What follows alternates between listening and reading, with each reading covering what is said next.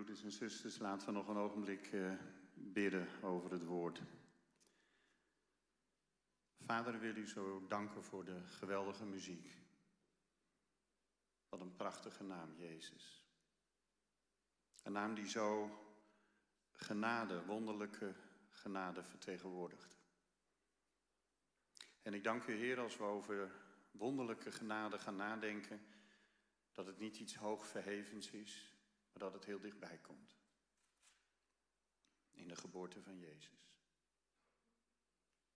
In de blik van God de Vader naar ons allemaal. Als individu, als persoon. In ons eigen leven. Dank u voor uw genade. Dat niet een filosofie of een theorie is, maar dat we vandaag ook mogen ervaren en voelen en proeven als een vernieuwende kracht in ons leven. De duisternis voorbij. Zegen zo dit woord en zegen zo ook de rest van deze dienst. Amen. Ja, het is fijn om hier, uh, hier weer te zijn. Het is een mooie traditie zo uh, tegen de kerst, om zo voor de kerst hier weer te mogen dienen met het woord. En zoals gezegd, uh, we kennen elkaar al vele jaren. Het uh, bijbelgedeelte, aantal bijbelgedeelten die ik met jullie wil uh, delen straks uh, zijn uit het evangelie van Lucas. Met name uit de eerste hoofdstukken. en daarvoor even een korte schets. Deze bijbelgedeelten zijn geschreven, zeer nauwkeurig. Zo wordt het ook ingeleid. Maar vinden plaats in een context van duisternis. En als we zo hoofdstuk 1, 2 en 3 zo wat naast elkaar zetten en zo door onze oogharen bekijken, dan zien we eigenlijk drie grote thema's tevoorschijn komen in dit schriftgedeelte. Het eerste is Gods belofte en trouw. Het tweede is de duisternis, de afwijzing, de verlatenheid, de onzekerheid. En het derde is licht. Om die reden heet ook het thema van de overdenking wonderlijke genade als hoofdthema, maar wonderlijke genade ook als antwoord op de schaduw in ons leven. Ook wij kennen soms een schaduwperiode of een schaduw in ons leven. En zoals het volk van Israël onder de schaduw van de Romeinse overheersers leefde in de periode van koning Herodes, kunnen wij ook zo onder een overheersing van een duistere gedachte, gevoelens of gebeurtenissen in ons leven leven. Die schaduw is op de een of andere manier altijd aanwezig. En ik kom daar zo in een aantal voorbeelden ook op, uh, op terug. Het was een duistere tijd. Israël werd overheerst door de Romeinen. Het was een onzekere tijd. Ze waren allemaal tweede of zelfs derde rangs burgers. En elke Romein staatsburger kon je een opdracht geven of iets van je opeisen en je had het maar in te leveren. Er was een enorme spanning in het land. Want ja, ze stonden bekend als een opstandig en een eigen gereid volkje en dat geheel terecht. Ze waren geroepen, geroepen door de God van Israël. En waren ze ineens overheerst. En, en hoe zat het dan met die beloftes? Dat gaf spanningen in de gezinnen. Sommigen die zeiden, ja, we moeten maar een beetje meebuigen en de keizer eren. Anderen die wilden dat niet. Sommige jongelui die kwamen in rebelse groepen en kwamen in opstanden en gingen dingen saboteren of dwars liggen. Dus het gaf aan alle kanten spanning en, en, en onvrede en angst en duisternis. En, en waar is God dan als het zo duister is? Hoezo een belofte? En dat levert een gevoel van vervreemding op. Misschien ken je dat in je leven, dat op het moment dat je in een dienst bent en zingt en bidt en de schrift leest, je denkt, ja, het is allemaal prachtig, maar het is niet voor mij. Een gevoel van vervreemding. En je kijkt als een, als een, als, alsof je naar een film kijkt, naar anderen die hun handen opheffen en bidden en enthousiast voorgaan en, en in de muziek. En, en, en, en van binnen denk je, ja, maar bij mij, bij mij werkt dat helemaal niet zo. En er hangt, hangt een schaduw van duisternis over je leven heen. Ik moest net, terwijl ik nog zo wat aan het bidden was en nog wat aan het mijmeren was over de prediking, even denken aan een gebeurtenis een aantal weken geleden in, uh, in Heerenveen, welkom ook de mensen die vanuit Heerenveen zijn aangesloten. En ik kwam daar uh, met mijn zoon op zaterdag in de evangelische boekenwinkel, een klein boekenwinkeltje. En uh, daar was een, ehm, een, eh, een, een, een, vrouw aan het werk en twee kinderen ook. En ik kwam daar binnen met mijn zoon. Zaterdag is, is voor mijn zoon en mij altijd mannendag. En ik heb er wel eens wat vaker over verteld. Mijn zoon heeft autisme en een verstandelijke beperking en geen, geen taal. Hij functioneert op een laag niveau, zoals ze dat noemen. Zeg maar het niveau van een kind van nog geen drie. En we kwamen de winkel binnen en hij had meteen die vrouw op het oog. En hij liep zo naar die vrouw toe. En als mijn zoon iemand interessant vindt of aardig vindt, dan gaat hij altijd even de handen vasthouden. En hij ging naar die vrouw toe en ging zo de handen vasthouden. En hij wees dat hij wilde zitten samen met haar in een hoekje met een tafeltje. Zo'n paar weken geleden. En uh, ze ging zitten en, en ze, begon, uh, ze begon te huilen. Ze zei, meneer, wat, wat gebeurt er? Ik zei, nou, ik kan niet zeggen wat er gebeurt, maar laat het maar gebeuren. Maar Hiel is een kind van God. En hij brengt jou een zegen van de Vader. En ze ging nog harder huilen. En ze zei wat gebeurt er nu? Ik zei, nou, laat het maar gebeuren. En ze liet het zo gebeuren en tranen stroomden over de wangen. En die twee lieve kinderen, broertje en zusje, kwamen zo bij moeder zitten. En toen ze een beetje bijgekomen was, uh, we ook naar de kassa moesten, want ik had een dagboekje gekocht voor Rada, mijn vrouw. Prachtig dagboekje, zij lacht, had de titel, heeft de titel van het dagboekje. Toen zei ik, kun je iets teruggeven wat je hebt ervaren? Ze zei ja. Ik denk dat ik weet wat er gebeurd is. Toen ik vanmorgen wakker werd, hing er zo'n zo'n duistere gedachte over mijn leven. Want ik kom uit een PKN-gemeente en ik ben recent gedoopt. Uh, we hebben een geloofsreis hebben we aangegaan en geloofsverdieping. We leren steeds meer van God en we hebben bewust een keuze gemaakt. Maar ik worstel nog enorm met een, met een rookverslaving. En toen ik vanmorgen wakker werd en ik zo mijn eerste sigaret opstak, toen voelde ik me zo schuldig. En denk ik, hoe kan ik hier nou in, in een boekenwinkel staan en bijbels verkopen en mensen helpen, terwijl ik zelf nog worstel met, met een verslaving. Maar toen je zoon bij me kwam en mij vasthield, voelde ik me zo getroost. Zo geaccepteerd door de Vader. Ondanks mijn gebrek. Ondanks mijn tekortkoming. Ondanks dat ik wakker werd met zo'n duistere schaduw over mijn leven. Van ik dacht, ja, ik, ik, ik, ik kan toch helemaal niks goeds doen vandaag. Kijk nou eens ja, waar ik zelf nog mee worstel. Hoe kan ik nou iets betekenen voor een ander? En ze begon weer te huilen. Ik zei, volgens mij is dit het begin van herstel. En het begin ook van de overwinning om dit stukje in je leven verder recht te zetten en te stoppen met roken. Wat kan er soms een schaduw over ons leven heen hangen? Terwijl we uiterlijk allemaal lekker meedoen en het valt allemaal niet zo op. En toch is ons hart als een stal. Nou, dat komt goed uit. Jezus is geboren in een stal. In een beestenbende. En het rook er niet zo fris en het was er niet zo fris. En het was er niet zo opgeruimd. En ze vonden hem gewikkeld in een doek in een voerbak. Ik ga graag met jullie uh, een gedeelte uit de schrift lezen. En dat is uit Lucas 1, de versen 78 en 79.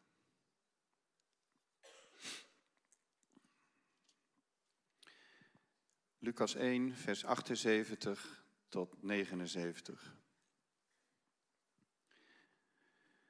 Dankzij de liefdevolle barmhartigheid van onze God zal het stralend licht uit de hemel zich over ons ontfermen en schijnen over allen die in duisternis verkeren, in de schaduw van de dood zodat, onze voeten, zodat we onze voeten kunnen zetten op de weg van de vrede.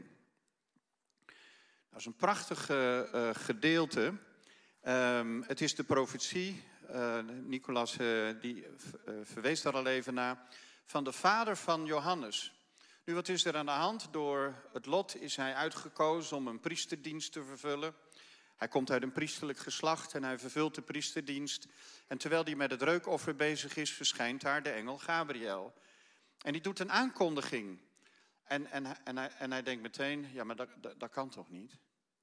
Een, wij, een zoon, Elisabeth en ik, we zijn op hoge leeftijd. Wij een zoon, um, ze, is al in de overgang geweest, dat, dat komt helemaal niet goed. En, en hij begint te twijfelen aan de woorden. Maar de engel die houdt vol en die geeft meerdere argumenten en verwijst ook naar gedeelten uit de profetieën en het uh, Oude Testament, uit de schrift. En Zacharias kan vanaf dat moment, hij is met stomheid geslagen, niet meer praten. En, uh, en Elisabeth, uh, om een lang verhaal kort te maken, die baart op een gegeven moment Johannes. Het kind wordt, wordt geboren, ze wordt zwanger. En het is een groot, groot wonder. En op het moment dat hij wordt eh, opgedragen, ja, dan, eh, dan, dan, dan moet daar een, eh, een naam zijn. En Elisabeth is de nicht van Maria, die zegt, ja, hij gaat Johannes eten. En de mensen die bij dat ritueel betrokken zijn, die zeggen, ja, Johannes, Johannes, dat zit helemaal niet in jouw familielijn. Hij moet toch eigenlijk Zacharias gaan heten. En dan vragen ze aan Zacharias, die priesterlijke diensten vervult. En die schrijft op een, op een tegel, schrijft hij, en zijn naam zal zijn Johannes. Johannes is de voorbode van Jezus, de wegbereider. Dat vinden we ook in dit gedeelte terug. Dit gedeelte gaat over zowel Johannes als over, als over Jezus. En op het moment dat, uh, dat Zacharias dat opschrijft, dan wordt zijn mond geopend en dan, uh, dan, dan profiteert hij. In een donkere, moeilijke periode, in een periode waarin je met stomheid geslagen kunt zijn, wat overkomt ons toch allemaal. Een periode waarin je denkt, genade, dat, dat moet wel heel erg wonderlijk zijn. Een groot wonder, want, want ik zie het niet meer. En op het moment dat het woord tot ons komt en we het woord kunnen omarmen, dan is daar ineens de stroom van de Heilige Geest en een geweldige profetie die zowel gaat over Johannes, de wegbereider, als over Jezus, die het licht is. Johannes krijgt een unieke naam van God, door God gegeven. Het is een bijzondere profetie, dit gedeelte, waarin de genade van God, de wonderlijke genade van God, zichtbaar wordt. En samengevat staat hier, God is trouw. Hij heeft een belofte gedaan aan het volk, aan de mensen. God is trouw. De verlossing is op komst en hij zal jullie vanuit de duisternis in het licht brengen. In het licht brengen. En een korte tijd later, drie maanden later, wordt Jezus geboren in een stal, in de schaduw van het leven. Een stal is nou niet echt een, een plek voor een, uh, voor een koningszoon om daar geboren te worden. Jezus is de zoon van de grote koning. Jezus is de zoon des mensen. Nou, dan zou je zeggen, dan verdient hij toch een uh, vijfsterrenhotel op zijn minst. Maar daar was geen plek voor. Er was geen plek, er was geen plaats voor Jozef en Maria om te bevallen. En dan vinden later de herders vinden hem gewikkeld in een doek, in een kribbe, in een, in een voerbak. Nu, die duisternis, die zelfkant van het leven, die kan ook over ons heen hangen. Door gebeurtenissen, door dingen die we hebben meegemaakt. Of door, uh, door ziekte, of door lijden, of door moeite. En ik neem u, zoals gezegd, even naar een paar voorbeelden mee. Het is uh, nu een paar weken geleden dat ik een, uh, een groep mocht begeleiden. En het was een groep van leidinggevenden en bestuurders. En ehm, een deel van mijn werk is het begeleiden van groepen, naast het werk op de universiteit in Groningen. En we hadden zo een aantal stappen gezet op het thema leiderschap. Wat is jouw kernwaarde? Wat vind jij belangrijk? Um, om daar zicht op te krijgen, om keuzes te maken voor wat we doen, maar ook keuzes te maken in wat we niet doen, in overvolle agenda's van veel leidinggevenden. En ik stelde de vraag aan de deelnemers, wat zou voor jou nu de volgende stap zijn? Het is mooi dat we hier deze training hebben, maar wat ga je nu als volgende stap doen in je werk of in je privéleven? En een van de deelnemers die brak en die begon te huilen.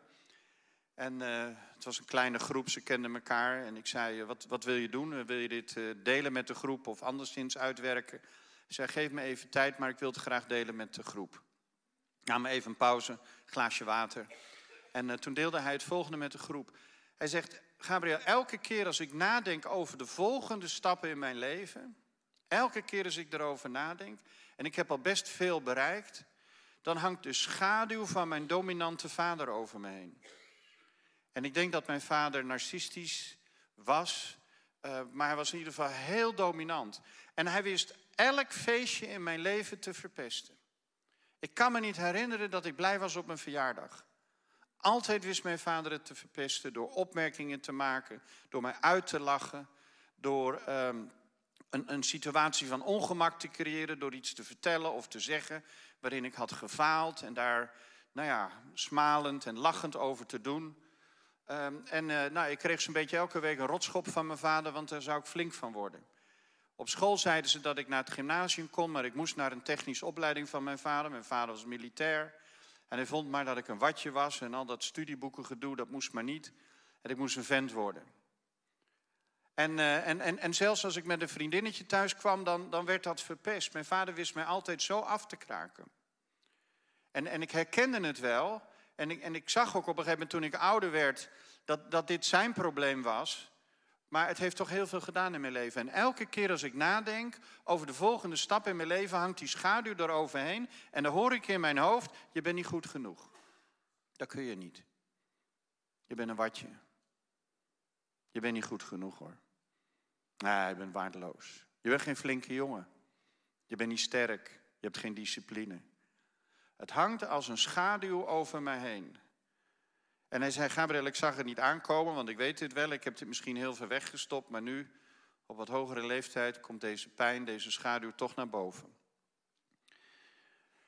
En toen zei een van de deelnemers uit de kring, misschien is wel jouw volgende stap niet nieuwe dingen doen op je werk, maar dat is afscheid nemen van je vader. Van deze karaktereigenschappen of deze stijl van opvoeden van je vader. Toen zei hij, dat wordt een beetje ingewikkeld, want mijn vader leeft niet meer. Ik ben ook niet bij de uitvaart geweest. En de laatste paar jaren heb ik ook geen contact meer met hem gehad. Nu, we hebben er nog even zo wat over doorgesproken.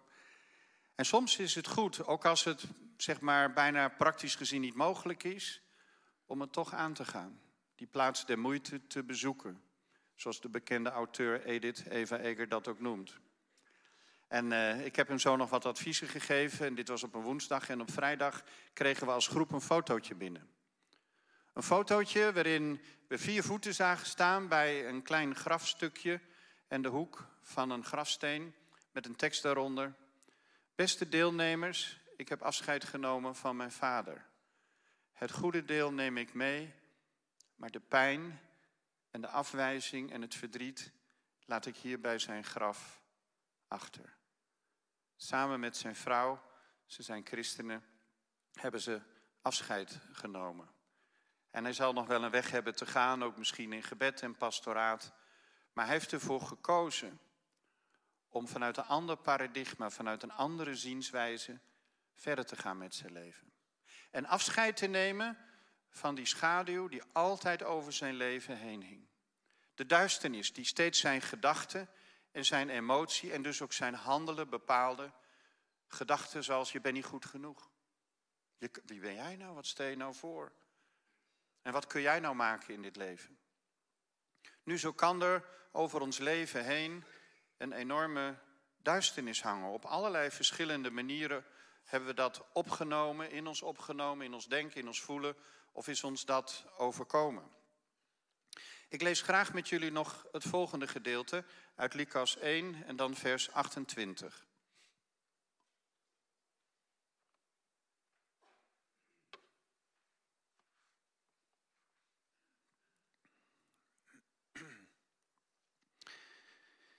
Ja, daar hebben we hem. Gabriel ging haar huis binnen en zei: Gegroet, gegroet Maria.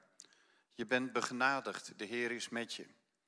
Nu is interessant, het woord begenadigd. God is genadig, niet omdat wij zo perfect zijn, maar omdat Hij trouw is aan Zijn woord, aan Zijn belofte. En Zijn woord is dat Hij jou en mij lief heeft. En dan vervolgens vinden we daar het woord, jij bent begenadigd. Met andere woorden, je hebt iets bijzonders ontvangen. Je bent, je bent speciaal, je bent uitgekozen. Nou, we vinden in dit gedeelte en in andere gedeeltes ook een beetje het gepruttel van Maria terug. Uh, begenadigd, bijzonder, ik ben, ik ben maar heel, heel gewoon. Ik ben, ik ben maar een heel, heel gewoon iemand. Zomaar een eh, meisje uit het Joodse volk.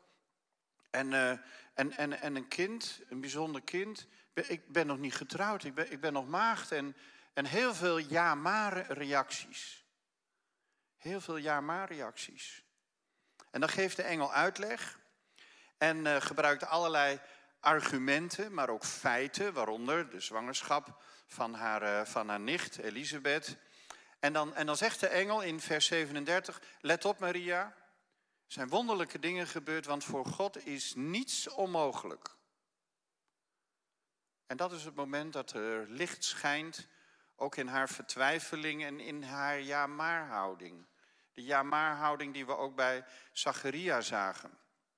De ja-maar-houding verdwijnt doordat God zegt tegen haar, let op, er is niets onmogelijk door de engel heen in vers 37. En Maria is overtuigd, Maria is dan overtuigd vanaf dat moment, en ze houdt dat heel bescheiden en verborgen, dat zij een speciale roeping heeft. En zij aanvaardt de bijzondere opdracht en is overtuigd. Ze stapt als het ware uit de schaduw van het kleinmenselijke denken en ze aanvaardt dat ze is uitverkoren en speciaal is. We gaan daarvoor naar het derde Bijbelgedeelte in Lucas 1, vers 38. En dan zegt ze het volgende. Maria zegt dan, de Heer wil ik dienen. Ja, laat het maar gebeuren. Laat het maar met mij gebeuren wat u hebt gezegd. En daarna liet de engel haar weer alleen. Het licht was in haar hart geplant. Zij kon, zij kon weer verder. Nu, genade waar we hiervan lezen is dus niet iets wat ver is, een of andere filosofie. Maar is iets wat, wat in ons leven en in het leven van Maria genadig, begenadigd zijt gij, afdaalt, zodat zij in haar bediening, in haar roeping, dat ook weer kan doorgeven. Genade is een deel van Gods plan. Genade gaat over liefde, over geaccepteerd zijn, over speciaal zijn. Ik neem jullie even mee in een ander verhaal, in een ander getuigenis. Ik uh, begeleid groepen, zoals ook al even werd, uh, werd genoemd. En dat is uh, echt fijn werk om te doen. Het is ook afhankelijk, want je kijkt welke groep of organisatie je uitnodigt. En een van de organisaties waar ik aan verbonden ben is een MBO-organisatie. en ze begeleiden daar met name jongeren, speciale groepen noemen ze dat, die lange tijd niet op school hebben gezeten. MBO-niveau 1 en 2. En ik ben daaraan verbonden. Ik geef cursus en training aan directie en de docenten. Maar ik heb ook gezegd, ik wil ook training en cursus geven aan de jongeren zelf. Nou, zeiden een aantal docenten, weet waar je aan begint. Een aantal van die jongeren die hebben al jaren niet meer op school gezeten. En uh, we houden ze twintig minuutjes stil en dat is dan een, een hele opgave. Weet waar je aan begint. En de ander zei, nou, ik weet niet of ze zitten te wachten op een professor van de universiteit. Ik weet niet of dat goed komt. Ik zei, laat het maar gebeuren. Nu in Zoetermeer hebben we een bijeenkomst georganiseerd. Een ochtend was voor de zomer. Een masterclass, mooie titel, masterclass, persoonlijk leiderschap. En uh, nou, er zitten zo'n 250 jongeren in dit programma en hadden zich ruim 50 aangemeld. En één voor één kwamen ze binnen met hun hoodie op en een tasje om en hun sneakers aan. Sommigen hadden nog een muziekje bij zich en hun oortjes in. En het zaaltje vulde zich. En uh, ik dacht, nou, we kunnen lekker los. En de docenten zaten ver weg uh, en het bestuur ook in, aan de, in de zijbeuken. En iedereen had zo het gevoel van zijn benieuwd hoe dit, hoe dit afloopt. En, en weet je, um, op het moment dat je met een groep wil gaan werken, is er maar één sleutel. En de eerste sleutel is contact. God gaat met ons aan het werk en de sleutel is contact. Hij legt contact met ons. Dus wat ik deed was contact leggen. En ik ben ongeveer zo begonnen. Ik zeg, uh, jongelui, welkom, mooi dat jullie er allemaal zijn. Uh, we gaan uh, deze ochtend zo'n drie uur aan het werk. Nou, toen zag je al een paar wenkbrauwen omhoog gaan. Um, en er is aan het einde ook een lekkere lunch en een, en een maaltijdje. Staat er klaar, wat soep en broodjes. Um, en als je wil, je mag er gewoon even tien minuutjes, kwartiertje uitlopen. Dan maak je het gebaar van thee, time-out. dus als het even te spannend of te ingewikkeld wordt, dan stap je eruit. Maar voor de rest gaan we deze ochtend met elkaar aan het werk. Maar aan de voorkant wil ik jullie, wil ik jullie wat zeggen. Sommigen van jullie hebben mishandeling meegemaakt. En verwerping. En afwijzing. Sommigen van jullie hebben gewoond op plekken waar anderen niet zouden wonen. In kelders, in garageboxen. Zwervend zonder een thuis. Sommigen van jullie hebben dingen op straat gedaan waar je je voor schaamt wat je niet zou willen vertellen aan anderen om aan geld te komen. Sommigen van jullie hebben de dood in hun omgeving gezien. Door een overdosis drugs of steek- of schietpartij. Anderen hebben de dood willen omarmen om eruit te stappen. Omdat het zo niet verder ging. Omdat je je niet thuis voelde in dit leven. Nu kan ik je aan het begin één ding zeggen. Ik ben ook op die plekken geweest. Ook in mijn jeugd. Maar ik weet ook dat één iemand voor mij ook op die plekken is geweest. En zijn naam is Jezus. En je voelde dat het eerste contact was gelegd. Identificatie. We zijn allemaal normale, gewone mensen, los van titels, ervaring, leeftijd. We hebben allemaal de genade van God nodig. En we hebben die ochtend gewerkt aan wat is jouw droom?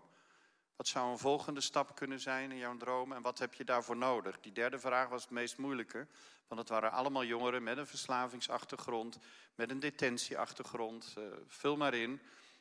En die waren niet gewend om hulp te vragen aan anderen. En ik vroeg na deze sessie aan het einde van de ochtend, wie van jullie zou een terugkoppeling willen doen? Een verhaal. Nou, er waren er vijf, waren interessante verhalen en één haal ik er even uit. Er kwam een jongen bij me en die zei, ja, ik wil wel zo het verhaal doen, maar ik wil het eerst even tegen jou vertellen. En toen zei hij, uh, nou, het volgende is, uh, ik ben erg aangesproken en ik, en ik vind het echt geweldig deze ochtend. En ik wil ook straks wel iets vertellen over mijn droom. Maar eerst wil ik dit zeggen. Ik ben blij dat ik in het programma bij het MBO zit, want anders was ik hier niet meer. Ik heb de afgelopen tijd drie keer bij de spoorwegovergang gestaan, want ik wilde uit mijn leven stappen. Ik zei, wat is je verhaal? Hij heet Juri. Hij zegt, uh, ik ben geboren uh, op de grens tussen Rusland en Oekraïne. Mijn vader was vrachtwagenchauffeur, alcoholist. Mijn vader leeft niet meer. En ik werk elke dag kreeg ik wel klappen of afwijzing. We zijn op mijn twaalfde naar Nederland verhuisd. Mijn moeder die drinkt zich ook helemaal lam, nog steeds. Interesseert er helemaal niet wat ik doe met mijn leven. Ik ben uit huis gehaald vanwege ondervoeding en verwaarlozing. En ik ben in pleegzorg en later in de jeugdzorg geplaatst. En ik voelde me niet gezien, niet gehoord. Maar één ding heeft me altijd overeind gehouden. Ik heb een gelovige oma en die zei, toen ik nog maar net geboren werd, was, zei ze altijd al tegen mij, toen ik nog heel jong was, Juri, vergeet het nooit, je bent speciaal. En elke keer als ik daarbij die spoorwegovergang stond, die drie keer van de afgelopen tijd, dan hoorde ik haar tegen me zeggen, Juri, niet doen, want je bent speciaal. Ik zei, wauw, wat bijzonder. gelovige vrouw. En toen zei, toen zei hij, en toen gebeurde er nog iets bijzonders. Toen heb ik een intake gedaan hier bij, uh, bij het mbo. En toen kreeg ik een mentor. Hij bleek christen te zijn. En het eerste wat hij zei tegen mij, Juri, je bent speciaal. En, en vandaag, toen kregen we cursus uh, van jou. En het eerste wat je tegen ons zei is, jullie zijn speciaal. Jullie hebben je 10.000 allemaal verslagen. En toen keek je naar mij. Ik zei,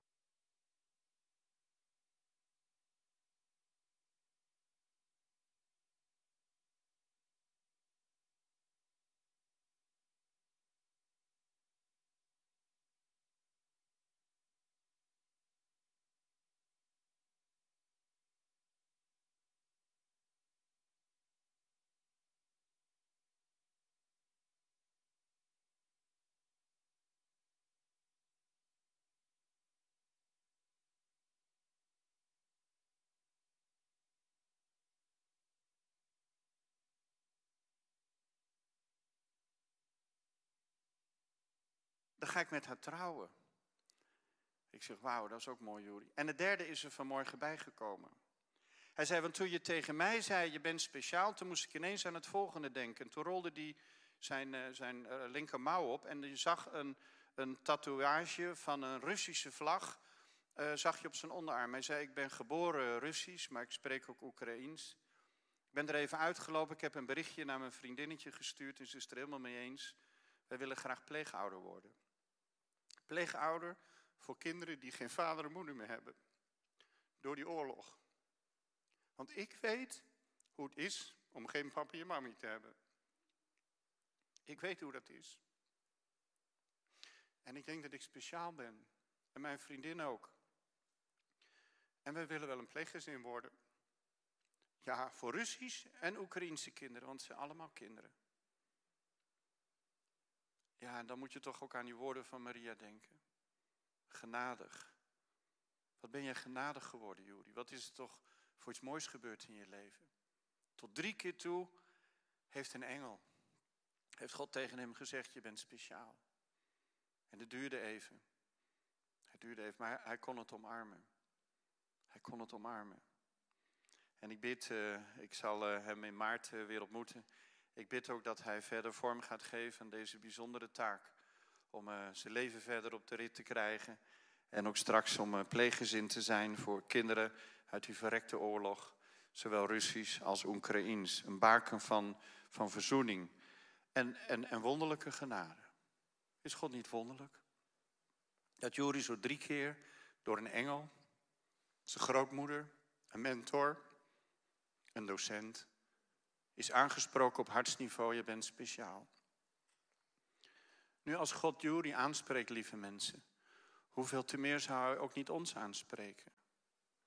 Wat kunnen we soms nog rondsukkelen met een schaduw in ons leven? Met van die gedachten van ja, ik ben, maar gewoon iemand. Ik ben niet speciaal. Of ik worstel nog met een kwetsbaarheid. Ik rook af en toe stiekem nog een sigaretje of andere dingen. Ik heb nog een probleem uit te stukken in mijn leven. Of ik ben altijd zo vernederd in mijn jeugd. Ja, ja, ja, ja, daar worstel ik mee. Wat kunnen we toch ompannenkoeken met al die kwetsuren, met al die pijn en al die frustraties in ons leven. En het is zeker goed om daar in coaching of in pastoraat of in gebed aandacht voor te vragen. Maar dit hoofdstuk en deze gedeeltes die ik heb gelezen in het Evangelie van Lucas gaan een stap verder. Het gaat niet om, om wat je doet, maar het gaat om wie je bent. En laten we stoppen met ja maar. Ik ben maar gewoon. Ik heb geen diploma's. Wat stel ik nu voor? En ze moesten dus weten waar ik nog mee worstel in het verborgen. Ze moesten dus weten welk stalletje ik nog ergens in mijn leven onderhoud. Iets heimelijks. Een geheim wat je in je omdraagt. God heeft het al lang gezien. En Gods licht schijnt daarover. Over die stal van jou. Toen de herders druk waren met werk, met bezigheden, werden ze geroepen. Er scheen licht en engelen verschenen. En er was de uitnodiging om Jezus, de Messias, te ontmoeten. En zo is er ook een uitnodiging voor jou. Niemand is hier vanmorgen toevallig. Ook ik mag vanmorgen tegen jou zeggen, tot drie keer toe, weet het. Jij, jij, jij, jij en mensen die online zijn aangesloten. Jij bent speciaal. Jij bent speciaal en uitverkoren. Begenadigd. Niet omdat jij zo fantastisch bent, maar omdat God je lief heeft. En laat de ja maar nu allemaal maar eens even aan de kant. En neem, en neem die liefdevolle woorden van de Vader aan. Zoals Maria zei, Heer, doe maar. Zoals u wil. Ik, ik ga u weg. Ik zal gaan, ik ga u weg. En ik zal de stappen zetten en de taak en de bediening op mij nemen die u voor mij hebt bereid. Nog even één korte anekdote. Ik kreeg gisteravond nog een mail. Ik verzorg geregeld retraites. Dat zijn eh, stiltemomenten in het klooster in Denenkamp. Ik verzorg dat samen met uh, Mirjam van der Vecht, die een prachtig boek over de kracht van stilte heeft geschreven. Komen christenen, niet-christenen. En er was uh, één iemand die had wel iets ooit in een christelijke opvoeding gehad, maar was vervolgens in een hele andere richting gegaan. En ehm, eh, zij vertelde op de tweede ochtend dat ze wakker werd in dat klooster in Denenkamp. En in elke slaapkamer hangt zo'n katholiek kruisbeeld. En ze werd wakker en ze, en ze zei, ja, ik moet toch maar even iets zeggen. Ik werd wakker en ik keek, keek naar dat kruisbeeld. En ik dacht, ja, waar, waarom, waarom ben ik eigenlijk zo overspannen? Ze was overspannen, ze had ontzettend druk, ze is schooldirecteur. En, en, en, en ze keek naar het kruisbeeld en de volgende gedachte kwam bij erop. Waarom maak ik me over van alles en nog wat zo druk? Over mijn eigen leven, over mijn gezinsleven en over mijn werk. Want hij heeft het toch allemaal al op zich genomen? Toen zei ze, ja, ik weet verder niet zoveel van geloof hoor, maar dat was een gedachte zo die s'morgens in me opkwam. Waarop een van de deelnemers zei, dat is het evangelie in een notendop. Hij heeft het volbracht. Hij heeft het volbracht en dat is het licht. Ook wat kunnen we in de waan van de dag een schaduw over ons heen krijgen. Doordat we te veel hooi op de vork nemen. Doordat we Jan en alle man aan het pleasen zijn en probleempjes aan het oplossen zijn. Lieve mensen, ook het beloofde land had een grens. En als je over de grens gaat, wordt het oorlog met het noorden of het zuiderland. Maar je komt in de problemen. Een leven in balans en een leven ook in het licht. Lieve mensen, ik wil eh, met u afronden. Er is wonderlijke genade. En Jezus is het antwoord op de schaduw die soms over ons leven kan hangen. En zijn licht zal ook in jouw leven doorbreken. Amen. De muziek mag naar voren komen en we zullen een moment hebben van gebed.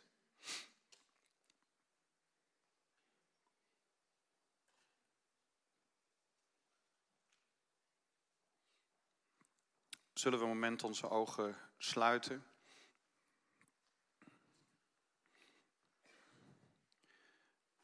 En als jij tijdens deze prediking, tijdens deze overdenking bewust bent van een schaduw in jouw leven, hou dan gewoon je ogen gesloten. Ik zal niet veel van je vragen.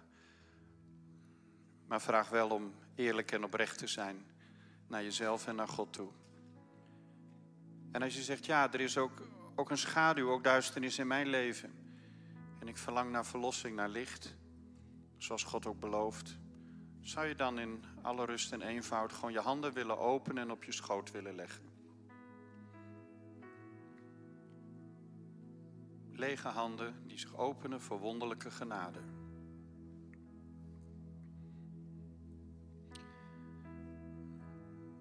En het openen van je handen, dat is een teken naar God toe. Heer, maak uw belofte ook in mijn leven waar. De duisternis voorbij. En ik mag weten dat ik in uw ogen speciaal ben. Vader, ik wil u zo bidden voor al diegenen die hun hart en hun handen openen voor u. Wat een wonderlijke genade dat u dwars door de duisternis heen licht brengt. En dat licht komt vanuit uw woord.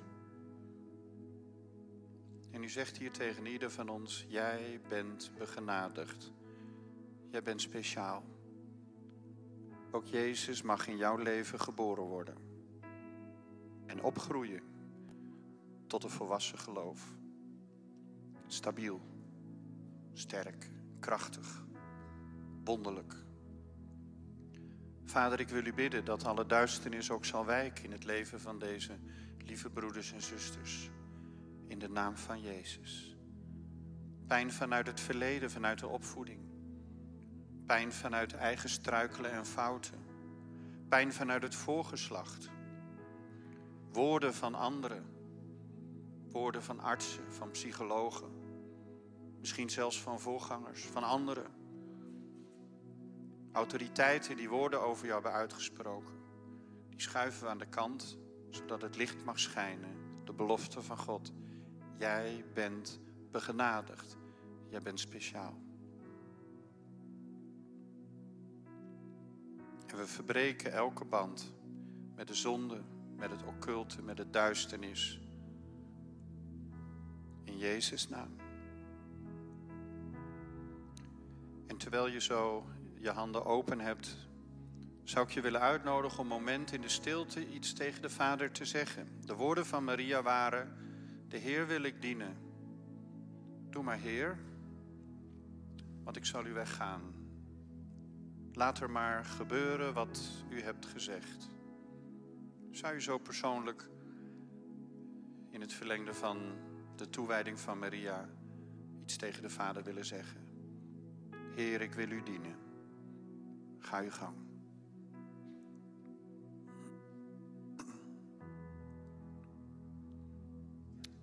Jezus, dank u Heer.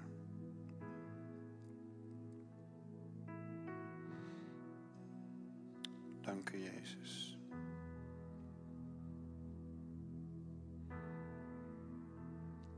Dank u Heer dat we zo door uw geest uw genade mogen ontvangen. Wonderlijke genade.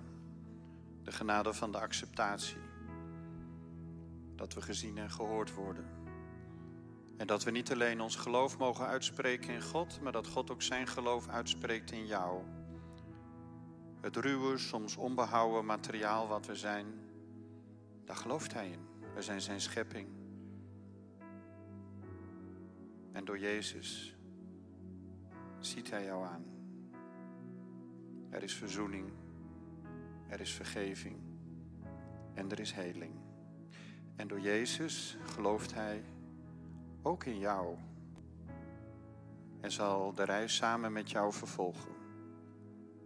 En ook jij zult je bestemming gaan ervaren door met Hem te wandelen in het licht. Amen. We gaan zo verder met uh, muziek, maar als mensen naar de etages willen voor gebed. Daar is gebed, je kan een kaarsje opsteken. Kan zijn dat er dingen aangeraakt zijn in je leven waarvan je zegt, daar wil ik wat over delen. Ik heb gebed nodig. Doe dat ook eventueel voor nazorg of pastoraat. En ik wens u God zegen en alvast een hele mooie kerst toe. Amen.